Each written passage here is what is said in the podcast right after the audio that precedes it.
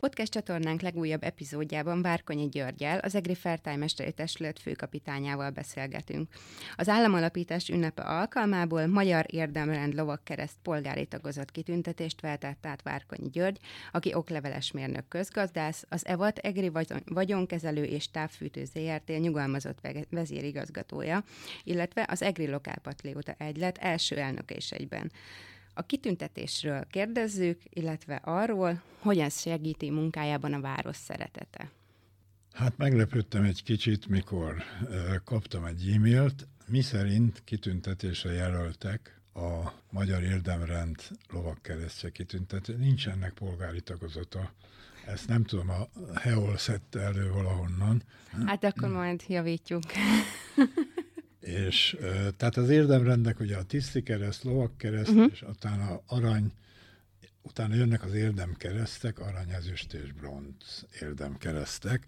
Ebből én a lovakkeresztet kaptam, megdöbbenve láttam, vagy meglepődve inkább, hogy nyolc fertájmester kapott kitüntetést ebben az évben. Ó, szép szám. Úgyhogy mellettem kettővel dr. Veres Gábor ült a kitüntetések átadásán, illetve a másik sorban Fábián Béla, szenyorúszó. Akkor volt társaság is? Társaság is. Hát érdekes volt, különleges volt, elég rossz idő volt, plusz az atlétikai világbajnokság is ez alatt az idő alatt tartott. Akkor tömeg is volt. Tehát egyszerűen közlekedni nem lehetett, Budapesten minden le volt zárva, de hát a Vigadót azért sikerült megközelíteni, és ott átvettem ezt a kitüntetést, aminek örültem. Hát az embert kitüntetik, általában örülni szokott, vagy jól esik neki, én nem tudom, hogy vénségemre kinek jutottam eszébe, hogy miért kaptam ezt a kitüntetést, de örültem neki, és jó eső érzés fogott el, mikor megkaptam. Kisfiamat vittem magammal, hogy lásson valami példát maga előtt. Akkor nevelő jelleges Biztosan büszke volt rám. Hát ezért van alapja a kitüntetésnek. Beszéljünk arról, a, arról ami, ami azért most is zajlik. Tehát a város életében, a város alakulásában komoly szerepet vállalt, de jelenleg is fertájmester, illetve fertájmesterek főkapitánya. A rendszerváltás után hogyan tudták újraéleszteni ezt a hagyományt, uh, hogyan alakult, illetve hát a fertájmesterek között azért mindig, uh, mindig közéletben aktív emberek voltak. Hogyan alakult ki ez a mag? Az az igazság, hogy én nem tudtam a fertájmesterségről, vagy a tizedesekről. Családomnak adatai, régi levelezése van a levéltárban, és ezeket lapoztam át. Ezért mentem be a levéltárba és ott kezembe kerültek ilyen iratok, amiben mindig a dekórió, a dekórió, tehát a tizedesekről volt szó, különböző városi jegyzőkönyvek, és egészen e, láttam, hogy 1694-ben, tehát a török kiverése uh-huh. után nem sokkal, 45 fertája volt a városnak, mondom, mi a csuda volt ez, és elkezdtem egy kicsit jobban belenézni, és úgy gondoltam, hogy a mai széteső világunkban ez egy jó közösségépítő valami. Hiszen a hagyományokat őrzi, a hagyományokra támaszkodik, ebből merítkezik, és bizonyos értékrendet képvisel. Elkezdtem szervezni, és akkor derült ki, hogy Egerben azért sokan emlékeznek a fertelmesterségre, hiszen a még 49-ben volt választás, volt eskü, 50-ben már Balogné volt a polgármester, aki nem tartotta szükségesnek az eskületételét. Gyakorlatilag nem szüntette meg a feltelmesterséget, csak elsorvasztotta ezzel, hogy esküt nem tehettek.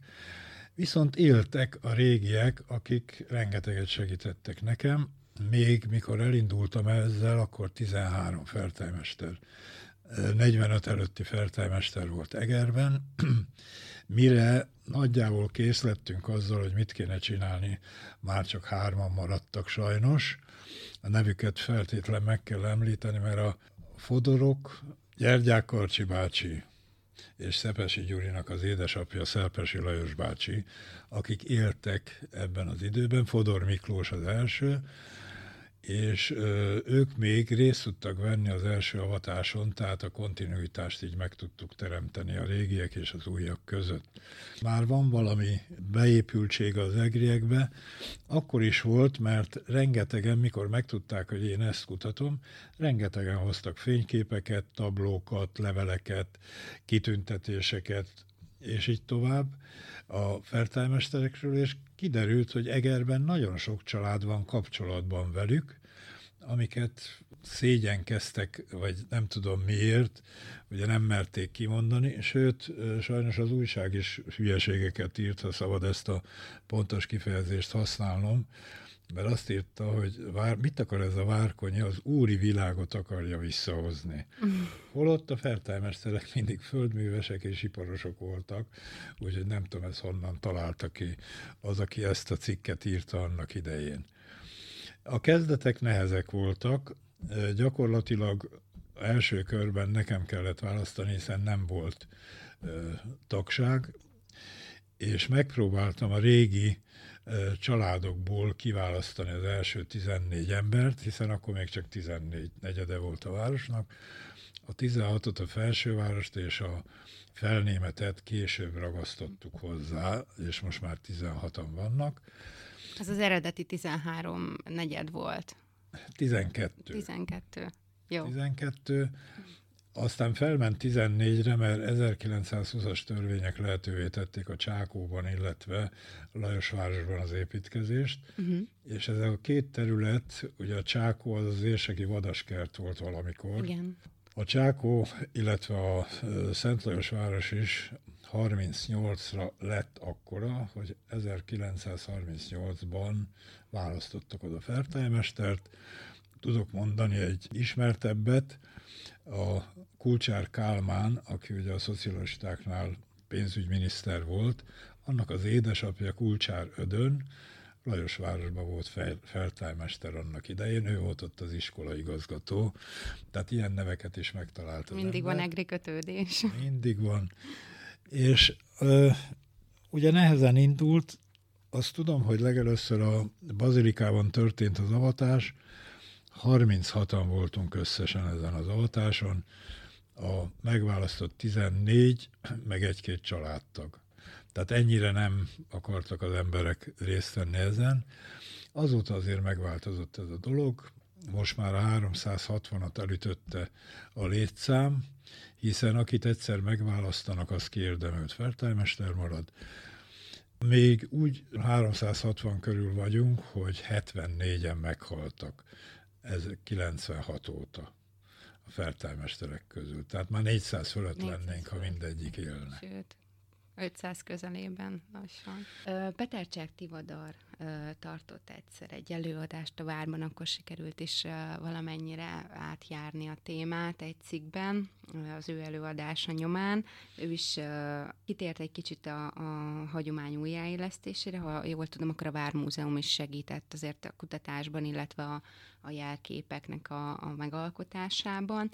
Mi volt a fertájmesterek feladata régen? Szerintem ezt kevesen tudják, hogy azért, ugye, ha jól emlékszem, akkor régebben a Városházán választották őket, tehát azért ott köztisztviselői szerepet töltöttek be tulajdonképpen, Így kicsit van. ilyen képlékenynek tűnik nekem a téma, de hogy ott itt ilyen hatósági szerepük volt, tehát mint egy rendőrség, egy csendőrség a saját az negyedükért. Is, az is.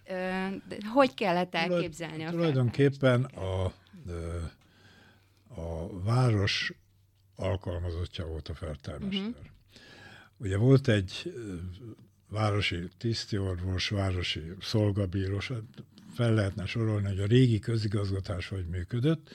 Ez egészen az 1948-49-es törvényekig így volt minden magyar városban, a fertájmesterek ebbe a közigazgatási rendszerbe uh-huh. csatlakoztak be. Akkor nem voltak ennyien a városházán, még a háború után 15 fő volt a városháza létszáma, a kapussal együtt, illetve a tisztiszolgával együtt. Gyér. Ugye már majdnem három, nem tudom pontosan hányan vannak, de 200 fölött az biztos És ebbe a rendszerbe tartozott bele a fertájmester is. Széleskörű feladatuk volt, ellenőrzési feladatuk, hírvivői feladatuk, tehát a városi törvények akkor, akkor nem voltak hangszórók, meg rádió, meg televízió, tehát akkor a városi törvényeket ők ismertették a saját városnegyedükbe, segítettek az adóbeszedésnél, ellenőrzést tartottak például, hogy van-e tűzoltásra alkalmas eszköz mindenütt, mert rengeteg tűzeset volt Egerbe, akkor van, lehernyózták-e a népek a fákat, tehát még a tavaszi munkára is figyeltek, mm. vigyáztak a rendre, a családi békére, ha valahol hallották, hogy perlekedés van a családban, ott rendet tettek. Közbeavatkozhattak? Közbeavatkoztak. Ha valaki hangoskodott, akkor azt úgynevezett purger áristomba csukták, tehát bevitték a vár, becsukták egy éjszakára, aztán reggel engedték el, ha kiózanodott. Mikor már megnyugodott. Ez volt, amikor megnyugodott, akkor elengedték. De, tehát sokféle feladatuk volt, sőt, két világháború között a adományokat ők osztották ki, amit a szegények kaptak, mégpedig úgy, hogy nem volt róla egy lista, nem volt egy átvételi elismervény, hanem odaadták a feltelmestereknek, hogy osszátok szét ebbe vagy abba a negyedbe, mert mindenki tudta, hogy ahhoz fog kerülni, akihez kell. Ismerték az emberek. Mert ők, ők ismerték. Vagy ö, van, aki még emlékszik, vagy nem emlékszik, vagy hallott róla, hogy volt az úgynevezett szegénységi bizonyítvány. Ezt a szegénységi bizonyítványt mindig a város állította ki, de fertájmester papír kellett hozzám, hiszen a fertájmester ismerte legjobban azt az illetőt, akinek adtak egy szegénységi bizonyítványt. Nem, már én sem tudom, milyen előnyökkel járt ez, de hát valamiért kellett ez az úgynevezett szegénységi bizonyítvány. Ez beszédben megmaradt ez a... Igen, ez, ez megmaradt. Tehát körülbelül uh, ilyen feladatai voltak, aztán a 48-49-es törvények eltörlik. Nincs uh, azonnali megszűnés, hiszen közben a bakkorszak. Tudjuk, hogy a kiegyezés 67, 1867 után van, tehát 48 és 67 között azért volt egy kis idő. Ér, mindenütt megszüntetik a feltájmesterséget, Kolozsváron marad meg, illetve Egerben az EGRI tanács úgy dönt, hogy nem szünteti meg. Hagyományozó szereppel fenntartja, közvetítői szereppel fenntartja, és érdekes módon ekkor kezdtek, ekkor kezdett az értelmiség beszivárogni a feltájmesterek közé, polgármester, Aha. Tehát, hogy... alispán, iskolaigazgató, országgyűlési képviselő, lesz feltájmester, elkezd nőni a rangja, elkezd nőni az egész, mindaddig, amíg 1932-ben, ha jól emlékszem, úgy döntenek, hogy csinálnak egy testületet. Hiszen a feltájmesterek negyedenként működtek, egyszer találkoztak egy évben, Szent Apollóniász február 9 napjához napján, amikor az újakat megválasztották, vagy beiktatták. Akkor volt egy mise a bazilikába, és akkor az összes feltájmester összejött, de egyébként nem találkoztak.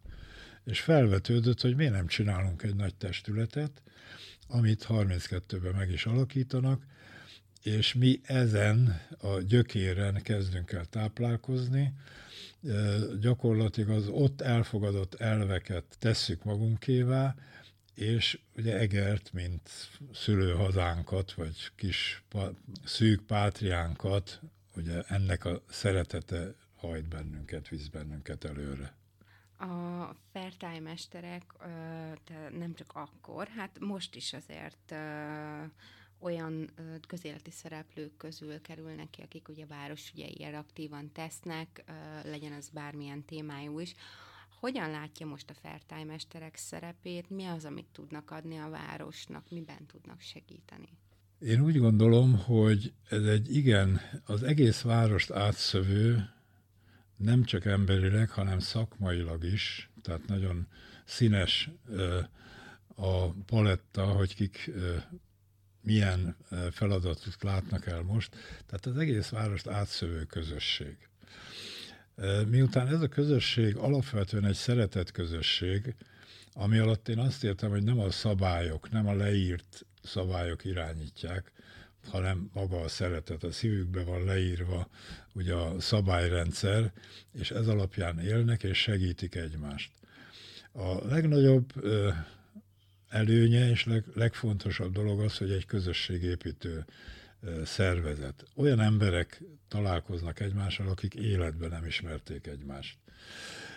Itt találkoznak először, életre szóló barátságok alakulnak ki, illetve egy segítő hálózat is kialakul Egerben. Azon kívül, miután minden területen ott vannak, van, ahol vezető szerepet is visznek, így tudnak hatni a város jövőjére, vagy a város mindennapjaira. Ez a másik, ami rettenten fontos. A harmadik meg a hagyományok, hiszen kötelességük kutatni a negyed hagyományait, a negyedben élt híres embereket, mi volt a feladatuk, mit csináltak, hogyan hatottak a közösségre, és ők is, ugye ezt kutatva, Egert egy kicsit, az ezer éves Egert egy kicsit tudják prezentálni a mai lakosoknak, mert sokan azt se tudják, hogy ugye Eger milyen volt, vagy hogy volt, mint volt. 20-30 év távlatából is egyébként már fakulnak a dolgok, nem hogy, Teljesen. Hogy száz évekről re visszatekintve, tehát hogy éppen most próbálom kutatni ezt a Bukoli, Bukuliárok nevű történetet, amiről Szerintem manapság már, már aki tudta, hogy ott van, az is elfelejtette, hogy most megint van egy beszakadás, és hogy ezzel kapcsolatban szerettem volna is kérdezni, hogy terveznek a fertájmesterek esetleg olyan kiadványokat, amik, amik bemutatják Eger múltját, esetleg más szemszögből, mint amik eddig készültek? A fertájmesterek is terveznek, hiszen konferenciákat szerveznek. Ezek a konferenciák anyagai mindig könyvformában megjelennek. Eddig négy vagy öt konferenciát sikerült szervezni, de a társcsapat ugye a lokálpatrióta uh-huh. egylet, mert a lokálpatriotizmusból alakult ki a fertájmesterség, onnan indul. A lokálpatrióták, akik jobban részt vesznek a politikában, a mindennapokban, a fertájmesterek távol tartják magukat a politikától, mert az, az sose vezet jóra, hogyha valaki nagyon beleártja magát. Goványos terep. Igen, borzasztó. Hát nekem a legrosszabb döntés, amit visszagondolva az volt, hogy én 90-ben beleártottam magam a politikába itt három cikluson keresztül. A ma meg már életveszélyes. Tehát ma olyan összefonódások, csak a párt, helyi döntések nem nagyon vannak, úgyhogy én ezzel nem is akarok foglalkozni. Tehát tulajdonképpen mennek ezek a kiadványok, és azért mondom a lokálpatriótákat, mert a egri séták nem csak egrieknek, ugye ez egy könyvsorozat megjelent minden egyes alkalommal, mindig valami érdekes témát dobtak fel a lokálpatrióták, és mindig belenyúltak Eger múltjába is, ami utána könyvformában is megjelent. Tehát ezek fontos, lényeges dolgok. Sajnos sok egri sok mindent nem tud, Például csak mondok egyet, hogy a Fenessi püspöknek a címerébe volt az egy szarvú. Onnan kerül át az egri címerbe. Eger ugye érseki központ, érseki birtok volt, háromnegyed részben az egri érsek a birtokosa, egy negyed részben a káptalan. Ez egészen 1848-ig így van, ezért nem nagyon alakul ki itt polgárság, hiszen ez egy birtoktest volt az egri rész, és csak 48 után kezdenek betelepülni az iparosok, mert földművesek iparosok lakták Egert, az értelmiség Eger városába. Vagy sokan nem tudják, hogy a vár Borsod megyéhez tartozott sokáig. A patak volt a határ, Borsod megyével. Ezt már hallottam. És ugye ezek, ezek egy érdekes dolgok, ezek jó volna bemennének a egriek fülébe. Mi el szoktunk menni gimnáziumokba is valamilyen témában előadást tartani, pont azért, hogy a régmúltra, az őseink dolgaira rávilágítsuk a figyelmet. A, a rendszerváltás után a lokálpatrióták, illetve a Fertály mesterek közül ugye került ki a város irányítóinak egy része, volt akkor egy ö, vízió, tehát akkor ön is aktívan részt vett a város életének irányításába. Hogy látja, hogy most jelenleg hol tart a város ahhoz képest, amit elképzeltek? Sikerült megvalósítani abban az időintervallumban, amit szerettek volna, vagy azért még látnak feladatot? Hát Isten malmai lassan örülnek, az emberek meg még lassabban. Alapvetően azok a régi egri családoknak a leszármazottjai, akik az első közgyűlésbe bekerültek, szívvel, lélekkel egerér dolgoztak. Világosan látszott, hogy ez egy egyközpontú, tehát a dobótérre koncentráló város, borzasztó nehéz innen az embereket megmozdítani. Tehát az egyik feladat az volt, hogy próbáljuk meg több központúvá tenni, próbáljunk meg olyan attrakciókat létrehozni a városba, hogy érdemes legyen a dobótérről elmenni, elindulni, akár a Vitkovics ház felé, akár az Érsekkert felé, vagy Lajosváros, és így tovább Felnémet felé. Na most ezek borzasztó lassan mentek, nagyon nehezen lehet az embereket rávenni, vagy kitalálni olyat, hogy érdemes legyen megmozdulni innen. Mindenki szeret a dobótéren lenni, még hogyha el se férnek akkor is. Hát az érseket felé az, az, az már népszerű, most... meg, meg a belvárosi rész, de azért a két új városrész, vagy viszonylag új városrészbe a, a panelok közé nem szívesen mennek ki az emberek most ez látszik. De megindult ott is egy folyamat, tehát azt kell mondanom, hogy a felsővárosban a nemzedékek tere közé, köré szerveződött egy új egység, egy egyházi központ is kialakult, ami sokáig nem volt, ott ugye a Szent második János Pál pápa központ, Gellért atya vezetésével, Gellért atya a felsőváros csillaga is lett, ugye megszerették az emberek. Jó, hogy ott van, jó, hogy valami más szint tud bevinni az emberek életébe. Egyébként a felsőváros nem csúnya, tehát egy szép, ligetes, fás terület, most már szerintem elég sok lakást is átalakítottak, és ára is van most már ott a lakásoknak. Tehát elindult egy folyamat kifelé, a felsőváros kimondottan ilyen, illetve a Lajosváros is. A Lajosváros viszont az ottani Szent Lajos templom köré szerveződött, ott épült egy közösségi ház, és ez egy vonzerő, ott le lehet ülni, előadásokat lehet tartani, és ez megint nagyon jót tesz annak a közösségnek. Szerintem a képviselő is elég jó képviselik azt a városrészt, és ott is megindult valami, tehát két irányba meg lett húzva, úgy, hogy úgy mondjam, ez, az ez a dobótér központúság, illetve a Bolyki felé, ugye a mulatos negyed, vagy nem tudom minek nevezzem, hogy a régi kőbánya területén a ifjak tudnak abba az irányba elmozdulni, tehát valami megmozdult ezen a téren. De a másik irányban valahogy, hogy mondjam, igazi jó szellemiség nem nagyon alakult ki. Én meg szoktam kérdezni, hogy miért nincsenek Egerbe költők, festők, szobrászok, művészek.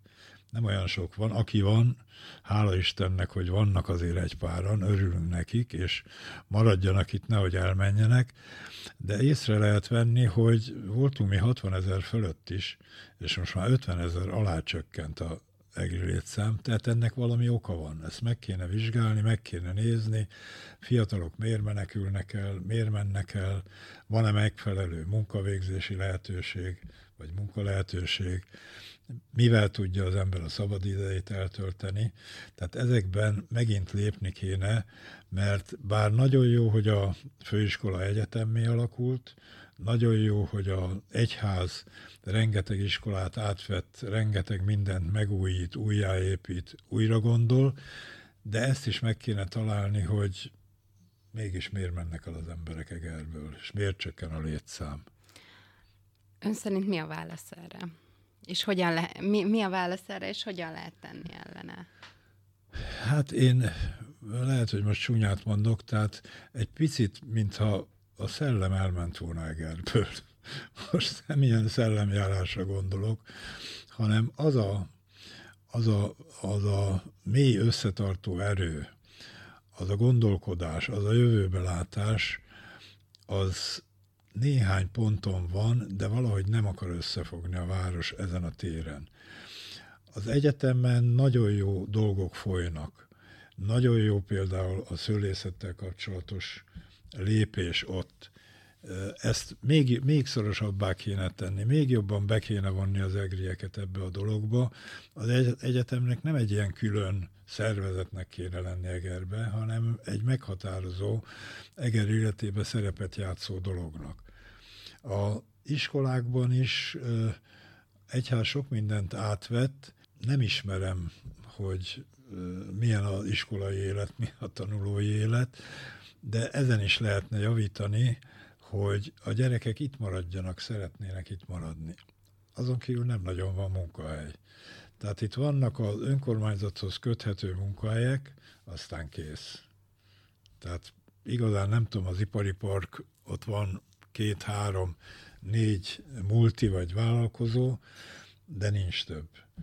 Tehát ezen is kéne segíteni, hiszen most már van összekötő út az autópályával, meg a, megépült az M25-ös, ez nagyon jó, és sorolhatnám, hogy egy csomó minden nagyon jó, de ez a nem egymás segítő, hanem egymást gáncsuló mm, belső rend, ez nem tesz jót Egernek.